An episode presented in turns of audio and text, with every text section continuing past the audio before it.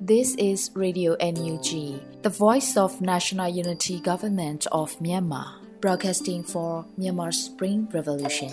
Radio NUG is transmitting from shortwave 16 meter 17.79 MHz at 8:30 a.m. and 25 meter 11.94 MHz at 8:30 p.m. Myanmar Standard Time.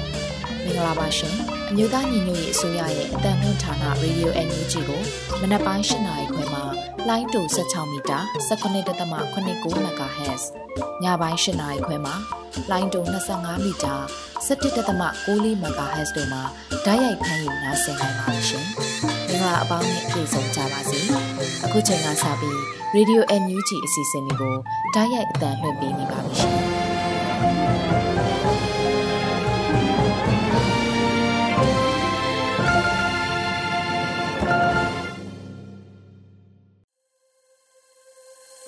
မင်္ဂလာနံနက်ခင်းပါရှင်ရေဒီယို NUG ကိုနားဆင်နေကြတဲ့မိဘပြည်သူများနဲ့မြန်မာနိုင်ငံသူနိုင်ငံသားအပေါင်းတဘာဝဘေးဆရာနာရှင်ဘေးတို့ကနေကင်းဝေးပြီးကိုစိတ်နှပါဘေးကင်းလုံခြုံကြပါစေလို့ရေဒီယို NUG အဖွဲ့သားများကဆုတောင်းမေတ္တာပို့သလိုက်ပါတယ်အခုချိန်ကစပြီးဇူလိုင်လ29ရက်နေ့ရေဒီယို NUG ရဲ့မနက်ခင်းအစီအစဉ်တွေကိုစတင်ထုတ်လွှင့်ပေးတော့မှာဖြစ်ပါတယ်ပထမအဦးဆုံးအနေနဲ့ရေဒီယို NUG ရဲ့ပြည်တွင်သတင်းများကိုတော့ຫນွေဦးမောင်မှဖတ်ကြားတင်ပြပေးတော့မှာဖြစ်ပါတယ်ရှင်။ မင်္ဂလာပါခင်ဗျာယခုချိန်ကစပြီး Radio NUG မနက်ခင်းပြည်တွင်သတင်းများကိုဖတ်ကြားတင်ပြပေးပါရမယ်ကျွန်တော်ကတော့ຫນွေဦးမောင်ပါကရင်ပြည်နယ်ကဲ့သို့ရုံထမှုမျိုးနဲ့တနိုင်ငံလုံးရုံထပါကအကြမ်းဖက်စစ်ကောင်စီကိုချက်ချင်းပြိုလဲအောင်လုပ်နိုင်ကြမှာဖြစ်တယ်လို့ယာယီသမရဒူဝါလက်ရှိလာကပြောကြားခဲ့တဲ့သတင်းကိုတင်ဆက်ပေးပါမယ်။ ဇွန်လ28ရက်မှာကျင်းပတဲ့ပြည်ထောင်စုအစိုးရနဲ့ပြည်내 ဖက်ဒရယ်ယူနစ်များအကြားပူးပေါင်းဆောင်ရွက်ရေးကော်မရှင်နဲ့ကရင်ပြည်ကြားကာလအုပ်ချုပ်ရေးကောင်စီ IEC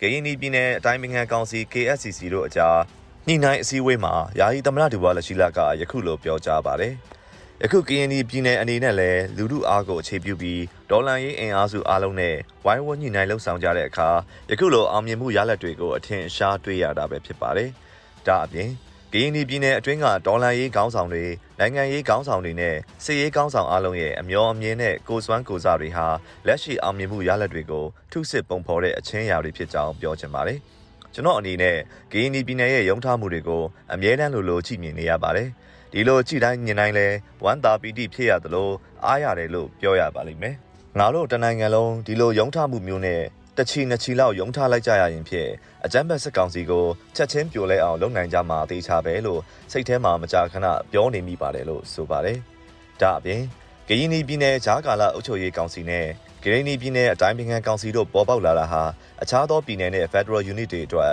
ပထမဆုံးစံနမူနာပြုစရာတွေဖြစ်တယ်လို့ယာယီသမ္မတကထပ်လောင်းပြောကြားခဲ့ပါတယ်ခင်ဗျာ။ ဆက်လက်ပြီးတော့ KNY ပြည်ဂျားကာလာအုပ်ချုပ်ရေးကောင်စီ IEC ဟာမကြာခင်ပေါ်ပေါက်လာနိုင်ပွဲရှိတဲ့အတိုင်းပြည်နဲ့အုပ်ချုပ်ရေးအဖွဲ့တွေအတွက်စံနမူနာကောင်းတစ်ခုလို့ဝန်ကြီးချုပ်ကဆိုခဲ့တဲ့သတင်းကိုတင်ဆက်ပေးပါမယ်။ဇူလိုင်28ရက်နေ့မှာကျင်းပတဲ့ KNY ပြည်ဂျားကာလာအုပ်ချုပ်ရေးကောင်စီ IEC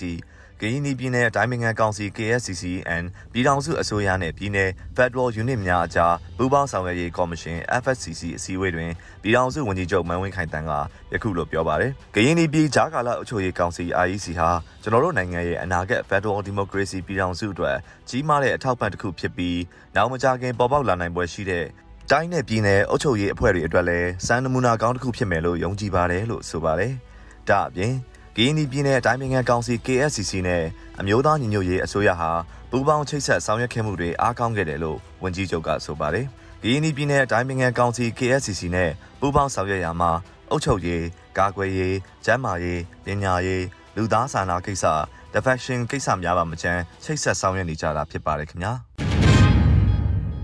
ຫນွေဦးတော်လန်ရေးကိုမျက်ခြေမပြတ်ဖို့ပိုအရေးကြီးတယ်လို့ NUG နိုင်ငံသားရေးဝန်ကြီးတော်စင်မအောင်ကဆိုခဲ့တဲ့သတင်းကိုတင်ဆက်ပေးပါမယ်။။ နေဦးတောင်လန်ရေးကိုမျက်ခြေမပြတ်ဖို့ပိုအရေးကြီးတယ်လို့ NUG နိုင်ငံသားရေးဝန်ကြီးဒေါ်စင်မအောင်ကဇွန်လ28ရက်နေ့လူမှုကွန်ရက်မှာသုံးသပ်ပြောဆိုပါတယ်။သတင်းတွေကိုမျက်ခြေမပြတ်ဖို့တော့လိုတယ်။မှန်ချင်းမားချင်းထက်နိုင်ငံရေးအလှုပ်အရွှေ့တွေအကွက်ရွှေ့ကစားဖို့အားထုတ်မှုတွေကြားမှာသတင်းအချက်အလက်မမှန်ကန်ကန်ရရှိသုံးသပ်နိုင်မှုကလည်းအတော်အရေးကြီးပါတယ်။ဒါကြောင့်မျက်ခြေမပြတ်ဖို့လိုပါတယ်။ဒီထက်ပိုအရေးကြီးတာကဒေါ်လာရေးမျက်ခြေမပြတ်ဖို့ကပိုအရေးကြီးပါတယ်။အချိန်အဟုန်ရက်တက်မသွားဖို့အရေးကြီးပါတယ်။ ပွဲကမပြီးသေးပါဘူးရှေ့ဆက်ကြဖို့ပါပဲလို့ဝန်ကြီးကဆိုပါတယ်2021ခုနှစ်ဖေဖော်ဝါရီလရက်နေ့ကစစ်တပ်ကနိုင်ငံတော်အာဏာကိုလူယူပြီးနောက်ပိုင်းစစ်အာဏာရှင်စနစ်ဆန့်ကျင်ရေးလူလူလှုပ်ရှားမှုနဲ့အတူမျိုးဦးဒေါ်လာရေးဟာပေါ်ပေါက်ခဲ့ပါတယ်ခင်ဗျာ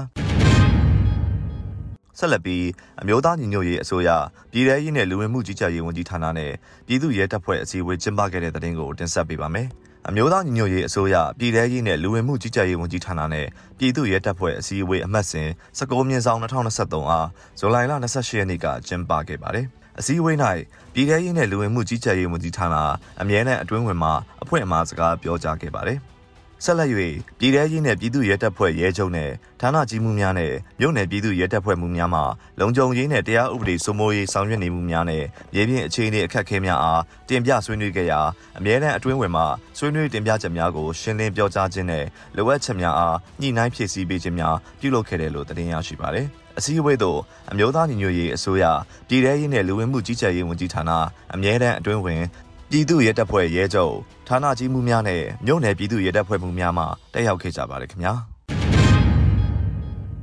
ဆက်လက်ပြီးတယန်ဇာတာနဲ့တဘာဝပတ်ဝန်းကျင်ထိန်းသိမ်းရေးဝန်ကြီးဌာန၏ဒုတိယဝန်ကြီးအဖြစ်ခွန်စောဖူအားခန့်အပ်တာဝန်ပေးခဲ့တဲ့တဲ့ရင်ကိုတင်ဆက်ပေးပါမယ်။တယန်ဇာတာနဲ့တဘာဝပတ်ဝန်းကျင်ထိန်းသိမ်းရေးဝန်ကြီးဌာန၏ဒုတိယဝန်ကြီးအဖြစ်ခွန်စောဖူအားခန့်အပ်တာဝန်ပေးလိုက်တယ်လို့တင်ရရှိပါတယ်။ ဇူလိုင်လ28ရက်နေ့မှာကြေညာချက်အမှတ်1မြင်းဆောင်2023ကိုပြည်ထောင်စုလွှတ်တော်ကုစားပြုကော်မတီကအတည်ပြုထုတ်ပြန်ပါတယ်။ပြည်ထောင်စုလွှတ်တော်ကုစားပြုကော်မတီသည်2020ခုနှစ်ပါတီစုံဒီမိုကရေစီအထွေထွေရွေးကောက်ပွဲတွင်ပြည်သူလူထုကဒီမိုကရေစီနီးကျအနှင်းလိုက်သည့်အာဏာကိုကျင့်သုံးလျက် Federal Democracy ပြည်ညင်အရ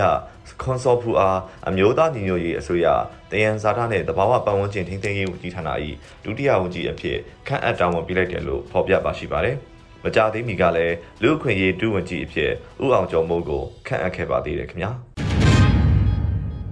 ဆက်လက်ပြီး Force for Federal Democracy FFD မှညီနောင်မဟာမိတ်အဖွဲ့အစည်းများနဲ့အတူ6လတာစီရေးလှုပ်ရှားမှုတွင်ရန်သူစခန်း5ခုကိုတင်စီနိုင်ခဲ့ပြီးရန်သူ180မှ250ကျာအထိကိအကျအဆုံးရှိခဲ့တဲ့တဲ့တင်ကိုတင်ဆက်ပေးပါမယ်။ Force for Federal Democracy FFT မှညီနောင်မဟာမိတ်အဖွဲ့အစည်းများနဲ့အတူ6လတာစီရေးလှုပ်ရှားမှုတွင်ရန်သူစခန်း5ခုကိုတင်စီနိုင်ခဲ့ပြီးရန်သူ180မှ250ကျာအထိကိအကျအဆုံးရှိခဲ့တယ်လို့ဇူလိုင်28ရက်နေ့မှာ Force for Federal Democracy FFT ကအသိပေးဆိုပါတယ်။ Force for Federal Democracy FFT သည်ညီနောင်မဟာမိတ်အဖွဲ့အစည်းများနဲ့အတူစစ်စင်ရေးပေါင်းများစွာပူးတွဲလှုပ်ဆောင်လျက်ရှိသောလက်ယုံတပ်ဖွဲ့ဖြစ်သည်။ ဒရုန်းဖြင့်ဝေဟင်မှတိုက်ခိုက်ခြင်းဝေဟင်နှင့်မြေပြင်ပူးတွဲချေမှုန်းခြင်းနဲ့တာဝေးပြစ်တုံးများဖြင့်လျှက်ပြက်တိုက်ခိုက်ခြင်းစသည့်စစ်စင်ရေးပေါင်းများစွာကိုအောင်မြင်စွာလှုပ်ဆောင်နိုင်ခဲ့တယ်လို့ဖော်ပြပါတယ်2022ခုနှစ်နှစ်ကုန်ပိုင်းမှာစတင်က2023ခုနှစ်ဇွန်လအတွင်း6လတာစစ်ရေးလှုပ်ရှားမှုများကို KNL ၏စစ်ရေးဥဆောင်မှုအမျိုးသားညီညွတ်ရေးအစိုးရအကာအကွယ်ရေးဝန်ကြီးဌာန MOD ၏စီမံခန့်ခွဲမှုတို့နဲ့မဟာမိတ်ပူးပေါင်းတပ်များနဲ့အတူ FFD တိုက်ခိုက်ရေးစကွက်များမှဆင်နွှဲတိုက်ခိုက်ခဲ့သောစစ်စင်ရေးများဖြစ်ပါတယ်။ ပူးပေါင်းတက်ခတ်ခဲ့သောမဟာမိတ်တပ်များမှာကရင်အမျိုးသားလူမျိုးရေးတပ်မတော် KNLA ပြည်သူ့ကာကွယ်ရေးတပ်မတော် PDF ဗမာပြည်သူ့လူမျိုးရေးတပ်မတော် PPLA ဂရင်းနီလူမျိုးပေါင်းစုံလူမျိုးရေးတပ်ဦးကာလာလာတာ KNPLF နဲ့ကရင်နီတပ်မတော် KA တို့အပြင်အခြားတော်လှန်ရေးအင်အားစုများလည်းပါဝင်ခဲ့ကြတယ်လို့သတင်းရရှိပါတယ်ခင်ဗျာဆက်လက်ပြီးကရင်နီအမျိုးသားများကာကွယ်ရေးတပ်တရင်အမှတ်19ဤနှစ်နှစ်ပြည့်အခမ်းအနားကရင်နီပြည်တနေရာတွင်ကျင်းပခဲ့တဲ့တဲ့တင်ကိုတင်ဆက်ပေးပါမယ်။ 2023ခုနှစ်ဇူလိုင်လ28ရက်နေ့တွင်ကြာရောက်ခဲ့သောကရင်ပြည်အမျိုးသားများကာကွယ်ရေးတပ် KNDF B19 နှစ်နှစ်ပြည့်အခမ်းအနားကိုအောင်မြင်စွာကျင်းပနိုင်ခဲ့တယ်လို့ KNDF B19 ကဆိုပါတယ်။အခမ်းအနားတွင်ကရင်ပြည်အမျိုးသားများတပ်ဦးအလံအားအလေးပြုခြင်း Federal Democracy တိုက်ပွဲအတွင်းတွင်ကြာဆုံးခဲ့ရသောရဲဘော်များအားအလေးပြုခြင်းကိုလက်အင်ကာဆုံးရှုံးခဲ့ရသောရဲဘော်များအားဂုဏ်ပြုခြင်းများပြုလုပ်ခဲ့ပါတယ်။ ထို့နောက်တွင်တရင်မူဒူရင်မူတက်ထိန်နဲ့ဧည့်သည်တော်များမှအမှားစကားပြောကြားခဲ့တယ်လို့သတင်းရရှိပါတယ်ခင်ဗျာဆက်လက်ပြီးပလဲမြို့နယ်မှာစစ်ကြောင်းထိုးတဲ့အကြမ်းဖက်စစ်တပ်စစ်ကြောင်းဟာကျွန်းဘိုကုန်းကျေးရွာနဲ့လော်ကားကျေးရွာသို့ဝင်ရောက်ပြီးပြည်သူပိုင်အဖို့တံပစ္စည်းများလူရယူဆောင်သွားခဲ့တဲ့တဲ့တင်ကိုတင်ဆက်ပေးပါမယ်။ဇူလိုင်လ28ရက်နေ့မှာအကြမ်းဖက်စစ်တပ်စစ်ကြောင်းဟာပလဲနယ်ကိုစစ်ကြောင်းထိုးဝင်ရောက်ခဲ့တယ်လို့ပလဲမြို့နယ်ပြည်သူ့အုပ်ချုပ်ရေးအဖွဲ့ကအတည်ပြုပါတယ်။ ပလဲမြို့ပေါ်ညအိတ်တက်ဆွဲခဲ့သည့်စစ်ကောင်စီစစ်ကြောင်းဟာ28ရက်မနက်6နာရီခန့်မှစတင်ပြီးပလဲတောင်ပိုင်းရွာများစီဦးတည်ထွက်လာပြီး9နာရီအချိန်ကတွင်ကျွန်းဘုံကုန်းကျေးရွာသို့ဝင်ရောက်ပြီးပြည်သူပိုင်ဗုဒ္ဓံပစ္စည်းများလူရက်ယူဆောင်သွားခဲ့ကြပါတယ်လို့ဆိုပါတယ်။အလားတူစစ်ကောင်စီစစ်ကြောင်းဟာလော်ကားကျေးရွာသို့8နာရီ30အချိန်ခန့်တွင်ဝင်ရောက်ပြီးနေ့လယ်12နာရီခွဲအချိန်ခန့်တွင်အင်မတီပြူစောတိရွာမှာပြူစောတိများစစ်ကြောင်းအမိပြုပြီးလဲများဖြစ်လာရောက်၍ လော်ကားကျေးရွာပြည်သူပိုင်ပစ္စည်းများကိုလူရက်ခိုးယူခဲ့တယ်လို့သတင်းရရှိပါတယ်။စစ်ကောင်စီစစ်ကြောင်းဟာနွယ်လျှောက်အင်ဂျင်စုလော်ကားကျေးရွာများကြားတွင်ဒေသခံပကဖတပ်ဖွဲ့များတပ်ရင်းတပ်ဖွဲ့များမှအသင့်ဆောက်ဆိုင်ပြီးမိုင်းဆွဲတိုက်ခိုက်ခြင်းအပြန်အလှန်ပစ်ခတ်တိုက်ခိုက်ခြင်းလက်နက်ကြီးများဖြင့်တိုက်ခိုက်ခြင်းဖြင့်နိုင်ဝက်ခတ်တိုက်ပွဲပြင်းထန်ခဲ့ကြပြီးစစ်ကောင်စီများဘက်မှထိခိုက်ဒေဆုံးမှုများလည်းရှိခဲ့တယ်လို့သိရပါတယ်။အဆိုပါစစ်ကြောင်းထိုးဝင်ရောက်လာမှုကြောင့်ကံကြီး၊မြောင်ကုန်း၊ဖိုကုန်း၊ကံပေါက်၊မကြီးခွာ၊စောင်းချမ်းကုန်း၊ ကျွန်းပုတ်ကုန်း၊နွယ်လျှောက်၊လော်ကား၊အင်ဂျင်စုပန်းရွာတနယ်ကျေးရွာများရှိပြည်သူနှတောင်းကျော်ထွက်ပြေးတိမ်းရှောင်နေကြရပါတယ်ခင်ဗျာ။ဆက်လက်ပြီးလွတ်တော်ကိုယ်စားလှယ်128ဦးကိုအကြမ်းဖက်စစ်အုပ်စုကဖမ်းဆီးခဲ့ပြီး88ဦးမှာလက်ရှိအချိန်ထိအကျဉ်းထောင်များ၌ဖမ်းဆီးခံထားရဆဲဖြစ်တဲ့သတင်းကိုတင်ဆက်ပေးပါမယ်။ ဇွန်လ28ရက်နေ့မှာနိုင်ငံရေးအကျဉ်းသားများကူညီဆောက်ရှောက်ရေးအသင်းမှကောက်ယူထားသောသတင်းအချက်အလက်များအရလွတ်တော်ကိုယ်စားလှယ်128ဦးကိုအကြမ်းဖက်စစ်အုပ်စုကဖမ်းဆီးခဲ့ပြီး88ဦးမှာလက်ရှိအချိန်ထိအကျဉ်းထောင်များ၌ဖမ်းဆီးခံထားရဆဲဖြစ်တယ်လို့အသိပေးဖော်ပြပါရတယ်။2021ခုနှစ်ဖေဖော်ဝါရီလမှ2023ခုနှစ်ဇူလိုင်လ28ရက်နေ့အထိလွှတ်တော်ကိုယ်စားလှယ်128ဦးကိုအကြမ်းဖက်စစ်အုပ်စုကဖမ်းဆီးခဲ့ပါတယ်။ထို128ဦးအနက်အကြမ်းဖက်စစ်အုပ်စု၏လက်အောက်ခံတရားရုံးများမှ မတရားပုံမှားများဖြင့်ထောင်ဒဏ်ချမှတ်ခံရသူ54ဦးအပါအဝင်88ဦးမှာလက်ရှိအချိန်ထိအကျဉ်းထောင်များ၌ဖမ်းဆီးထိန်းသိမ်းခံနေရဆဲဖြစ်တယ်လို့ဆိုပါတယ်။ထို54ဦးတွင်ထောင်ဒဏ်တစ်ကြိမ်ထပ်ပို၍အမိန့်ချမှတ်ခံရသူ24ဦးပါဝင်ခဲ့ပါတယ်။အေယာဝတီတိုင်းမြောင်းမြမြို့နယ်ပြည်သူ့လွှတ်တော်ကိုယ်စားလှယ်ဦးဝေလင်းအောင်ကိုမြောင်းမြထောင်တွင်ခရိုင်တရားရုံးက2023ခုနှစ်ဧပြီလ9ရက်နေ့တွင်ရာဇသက်ကြီးဥပဒေပုံမှန်905ကကြီးဖြင့်ထောင်ဒဏ်နှစ်နှစ် ဇူလိုင်လ12ရက်နေ့တွင်အကြမ်းဖက်မှုတိုက်ဖျက်ရေးဥပဒေပုံမှန်90ညဖြင့်စုစုပေါင်းထောင်ဒဏ်12နှစ်ထပ်မံချမှတ်ခဲ့ပါတယ်။ဦးဝင်လင်းအောင်သည်2022ခုနှစ်နိုဝင်ဘာလ28ရက်နေ့တွင်ထောင်ဒဏ်26နှစ်ချမှတ်ခံရပြီးဖြစ်သောကြောင့်စုစုပေါင်းထောင်ဒဏ်38နှစ်ချမှတ်ခံရပါတယ်ခင်ဗျာ နောက်ဆုံးသတင်းအနေနဲ့ကတော့ကိုရီးယားမှာကျင်းပတဲ့စစ်ပေးရှောင်ရန်ပုံငွေဖူဆယ်ဘောလုံးပြိုင်ပွဲမှာမြန်မာငွေသိန်း150ဝန်းကျင်မြန်မာပြည်သူတွေအတွက်ထောက်ပံ့ဖို့ရန်ပုံငွေရရှိခဲ့တဲ့သတင်းကိုတင်ဆက်ပေးပါမယ်။တောင်ကိုရီးယားမှာကျင်းပတဲ့စစ်ပေးရှောင်ရန်ပုံငွေဖူဆယ်ဘောလုံးပြိုင်ပွဲမှာမြန်မာငွေသိန်း150ဝန်းကျင်မြန်မာပြည်သူတွေအတွက်ထောက်ပံ့ဖို့ရန်ပုံငွေရရှိခဲ့တယ်လို့ဇူလိုင်လ28ရက်နေ့မှာ KDJ Support Group ကအသိပေးဆိုပါတယ်။ဒေါ်လာရေးမှာအမျိုးသမီးတွေရဲ့အခန်းကဏ္ဍဟာအလွန်ရေးပါပါတယ်။ ထူးခြားချက်တစ်ခုအနေနဲ့ပြီးခဲ့တဲ့တနင်္ဂနွေနေ့ကတောင်ကိုရီးယားမှာရှိတဲ့စစ်ပေးရှောင်ရန်ပုံငွေပူဆယ်ဘောလုံးပြိုင်ပွဲမှာအမျိုးသမီး60ဝန်းကျင်ပါဝင်ရှင်ပြိုင်ခဲ့ပါတယ်။အမျိုးသား60ကျော်လည်းအားဖြည့်ပါဝင်ခဲ့ပါတယ်။ရန်ပုံငွေဘောလုံးပွဲစဉ်ကျင်းပပြီးမှကုန်ကျစရိတ်နှုတ်ပြီး83သိန်း36,100ဝန်းမြန်မာငွေသိန်း150ဝန်းကျင်မြန်မာပြည်သူတွေအတွက်ထောက်ပံ့ဖို့ရန်ပုံငွေရရှိခဲ့ပါတယ်လို့ဆိုပါတယ်။ရန်ပုံငွေရှာဖွေကြတဲ့ဘောလုံးပြိုင်ပွဲအားပါဝင်ရှင်ပြိုင်ကြတဲ့လာရောက်ဝန်းရံပေးကြတဲ့ရန်ပုံငွေရှာဖွေပေးကြတဲ့ အားပေးဝန်းရံကြတဲ့တယောက်ချင်းစီကိုကျေးဇူးတင်ရှိတယ်လို့ဆိုထားပါတယ်။ယခုတင်ပြခဲ့တဲ့သတင်းတွေကို Radio NUG သတင်းတောက်မင်းတီဟန်ကပေးပို့ပေးထားတာဖြစ်ပါတယ်ခင်ဗျာ။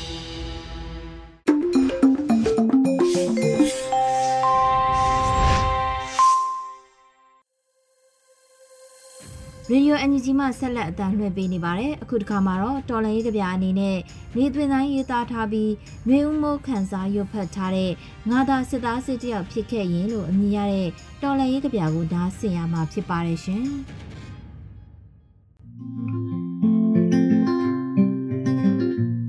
ငါသာစစ်သားစစ်စစ်တယောက်ဆိုရင်နေ့စဉ်ဆိုခဲ့တဲ့သစ္စာတရားတွေနဲ့ငါတည်ရဲရဲ့ငါသာ စစ်သားဆက်စစ်တယောက်ဆိုရင်ကျောင်းတော်ကြီးစီကတင်ခဲ့တဲ့စစ်ပညာတွေနဲ့ငါတိုင်းပြည်ကြီးရဲ့တတိုင်းမှာ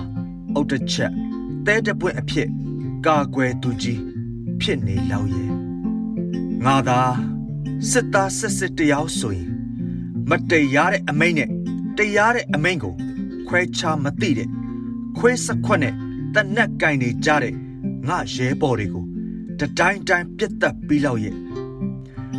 ငါသာစစ်သားစစ်စစ်တယောက်ဆိုရင်ဓမ္မနဲ့အတ္တမကို ခွဲခြားသိတတ်ပြီးကိုကြိုးသမားမအေလိုရဲ့ဥကောင်းတဲ့စစ်သားကောင်းတယောက်ရဲ့ကြည်စံတတော့အနိကပြစ်သွင်းပြီးလောက်ရဲ့မအေလိုရဲ့နောက်ကျောမှာထိုးတဲ့ဓာဟာလဲငါဖြစ်ပြီးလောက်ရဲ့ငါသာစစ်သားစစ်စစ်တယောက်ဆိုရင်ပြည်သူအသက်ကိုငါမတတ်ပြည်သူစီးပွားမထိပါ ပြည်သူပစ္စည်းမဖြတ်စည်းတဲ့ရင်ကျေးတဲ့စစ်တီတို့ဟာငါပဲဖြစ်လောက်ရဲ့ရေလိုလလိုကျင့်တဲ့စစ်တီတော်အဖြစ်ရှက်ကြောပြက်နေတဲ့တက်ဆက်ဖောက်လောက်ကောင်တွေရဲ့ပခုံးသားအထက်ကကျဲပွင့်တွေကိုရီပွဲဖွဲ့ခြင်းရဲ့ငါဟာတနက်ဖျားကိုပြည်သူပတ်မလှဲ့တတိပြက်နေတဲ့လူသက်သမားတွေရဲ့ကိုကြိုးစည်းဝါးမှာငါမနေငါဟာပြည်သူအတွက်ပွင့်တဲ့ စစ်တီတော်အဖြစ်ဝန်စားပြီးလောက်ရဲ့ငါသာစစ်သားစစ်စစ်တယောက်ဆိုရင်ပြည်သူစီယိုမှာခွေးစိတ်ဝင်နေတဲ့မအေလိုးရဲ့အသက်ကိုချိတ်ပြီးပြည်သူနှလုံးကိုတိမ်ကြုံပြီးလောက်ရဲ့ငါသာစစ်သားစစ်စစ်တယောက်ဆိုရင်ငါအမေအိမ်ငါပြန်တဲ့အခါအမေသားကြီးဟဲဆိုပြီးအမေကန်းတဲ့တပြေပန်းတဲ့ဂုံတိတ်ခါဆိုတာကိုငါလိပ်ပြနဲ့ငါ ဖွင့်ဆိုပြီးလောက်ရဲ့ငါသာစစ်သားစစ်စစ်တယောက်ဆိုရင်လေနေတွင်နိုင်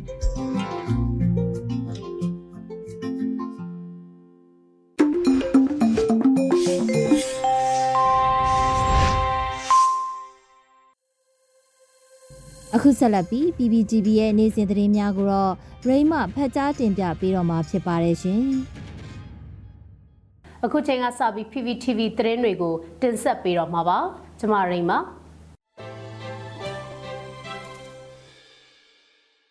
ပထမဆုံးအနေနဲ့တင်ဆက်ပေးခြင်းတဲ့သတင်းကတော့ပြည်ထောင်ရေးနယ်လူမှုကြီးကြပ်ရေးဝန်ကြီးဌာနနဲ့ခရိုင်ပြည်သူ့အုပ်ချုပ်ရေးအဖွဲ့များတွဲဆုံဆွေးနွေးတဲ့သတင်းမှာ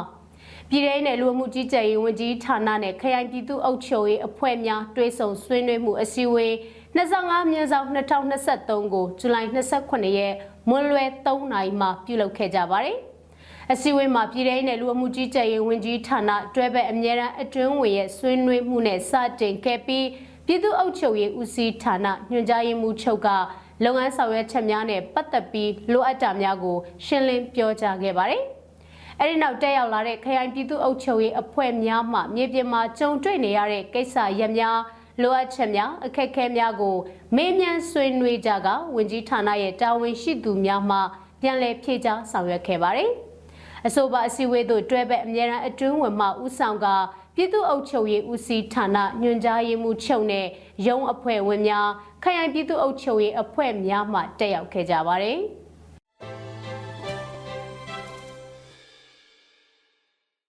ထမန်တင်ဆက်ပေးခြင်းတဲ့သတင်းကတော့ PDF ပူပေါင်းတက်ကပလောမြို့နယ်မီးလောင်ချောင်းကျေးရွာရန်သူကိတ်ကိုတွားရောက်ပစ်ခတ်ခဲ့တယ်လို့ဂါကွယ်ရေးဝန်ကြီးဌာနထုတ်ပြန်လိုက်တဲ့သတင်းမှာတနင်္သာရီတိုင်းပလောမြို့နယ်မီးလောင်ချောင်းကျေးရွာရန်သူကိတ်ကို PDF ပူပေါင်းတက်ကတွားရောက်ပစ်ခတ်ခဲ့တယ်လို့အမျိုးသားညွရေးအစိုးရဂါကွယ်ရေးဝန်ကြီးဌာနပြည်သူ့ဂါကွယ်ရေးတမတော် PDF စေယုံချုပ်ကဒီနေ့မှထုတ်ပြန်ပါတယ်ထုတ်ပြန်ချက်ထဲမှာ အဲ့ဒီအကြမ်းဖက်စစ်တပ်ဂိတ်ကိုဇူလိုင်26ရက်နေ့လယ်12နာရီဝန်းကျင်မှာပြည်သူ့ကာကွယ်ရေးတပ်မတော် PDF မြစ်ခရိုင်တပ်ရင်း1နဲ့တော်ကြီးမွေဟောက်တပ်ဖွဲ့တွေပူးပေါင်းပြီးနိုင်ဝက်ကြာအပြန်လှန်ပစ်ခတ်တိုက်ခိုက်တယ်လို့သိရပါတယ်။တိုက်ပွဲအတွင်းရန်သူတပ်ရဲ့တေဆုံးထိခိုက်မှုကိုစုံစမ်းနေစေဖြစ်တဲ့ဆိုတာနဲ့ ပြည်သူ့ကာကွယ်ရေးတပ်မတော်ပူးပေါင်းတပ်ဖွဲ့တွေအထက်အခိုက်မရှိစုခွာနိုင်ခဲ့တယ်လို့ကာကွယ်ရေးဝန်ကြီးဌာနကအသိပေးဖော်ပြထားပါတယ်။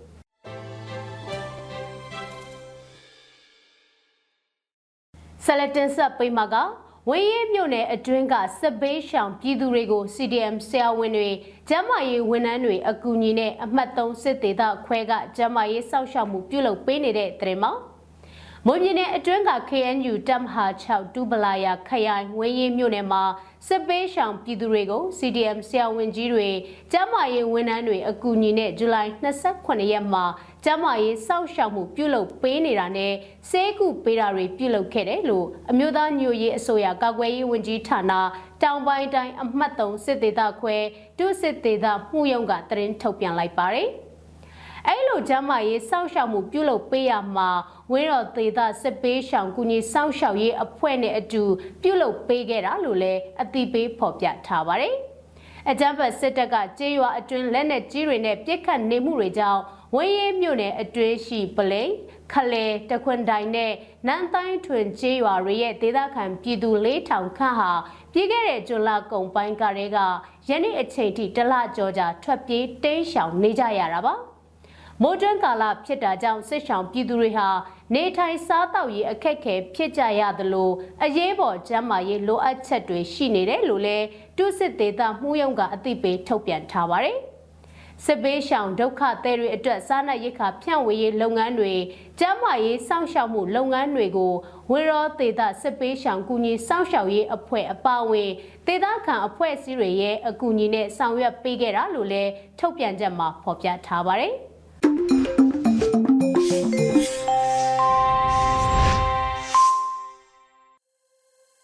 ရေဒီယိုအန်ယူဂျီမှဆက်လက်အတန်းလွှင့်ပေးနေပါတယ်အခုတခါမှာတော့စောဖွခွားတီဆိုထားတဲ့ဒေါ်စိန်အေးရဲ့သားလို့အမည်ရတဲ့တော်လန်ရေးတိဂီတာကိုနားဆင်ရမှာဖြစ်ပါတယ်ရှင်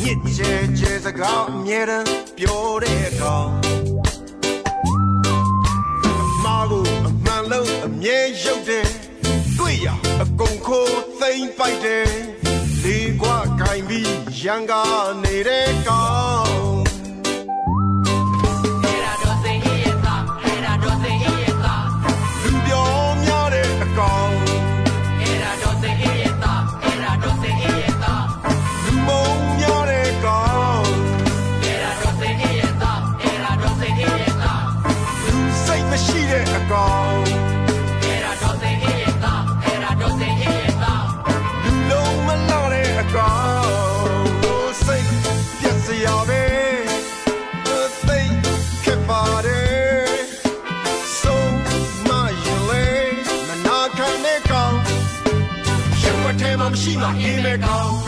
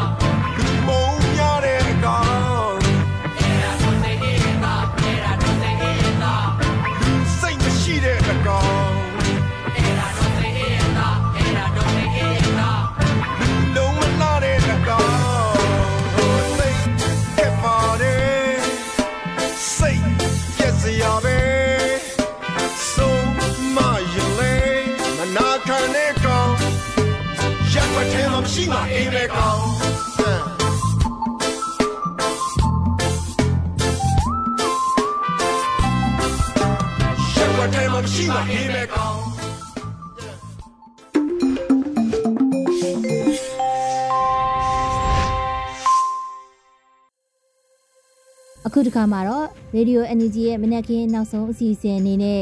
တိုင်းရင်းသားဘာသာစကားထုတ်လွှင့်မှုအစီအစဉ်မှာတော့ချိုးချင်းဘာသာစကားခွဲတစ်ခုဖြစ်တဲ့ဒိုင်ဘာသာနဲ့သတင်းထုတ်လွှင့်မှုကိုနားဆင်ရမှာဖြစ်ပါတယ်။ဒီအစီအစဉ်ကိုတော့ Radio NUG နဲ့ချိုးချင်းဘာသာထုတ်လွှင့်မှုအဖွဲ့တို့ကပူးပေါင်းထုတ်လွှင့်တာဖြစ်ပါတယ်ရှင်။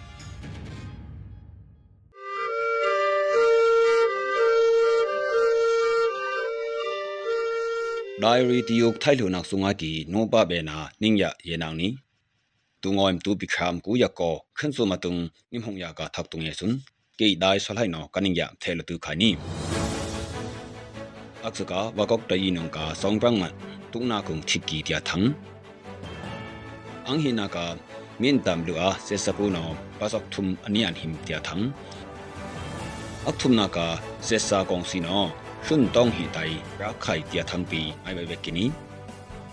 အခစကာဝကောက်တယီနုံကာဆောင်းပန်း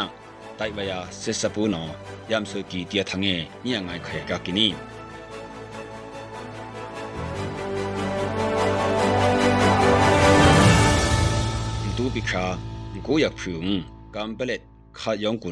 တူနာကုံချစ်ကီတျာထန်းအင်ဟိနာကာ min tam lu a se sapu no pasok thum ani an him tia thang ak thum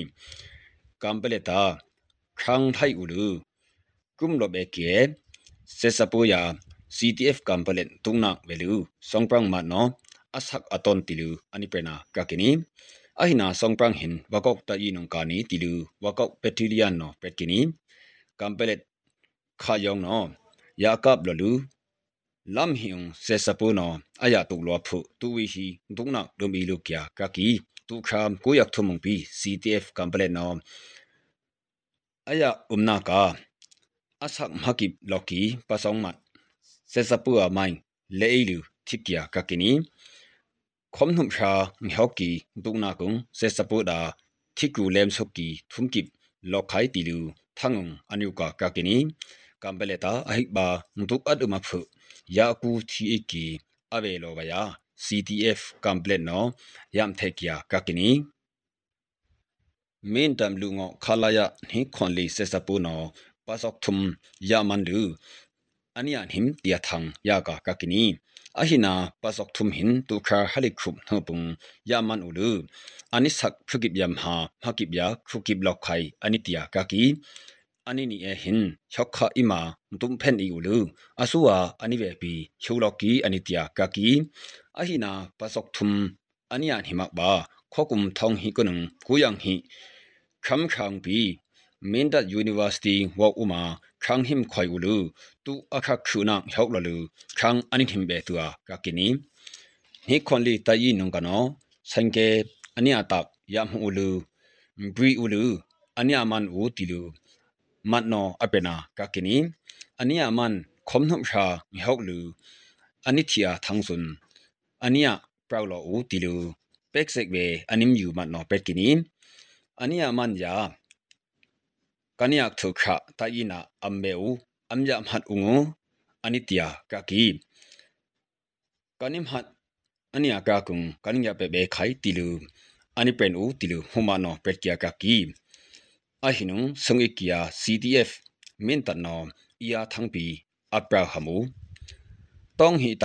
mintan no ia thangpi apra hamu tong hi tai bashun pranwai tilu sesapua khutbi banjung no tukha mku yak thumung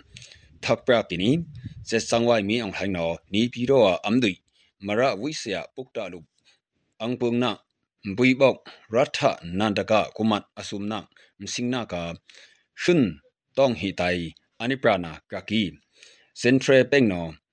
ahikba pranwai tilu aprena kakini ahina khunzun tukha thumkip ya matung khongpeong phrang ho khaya kakini bright selu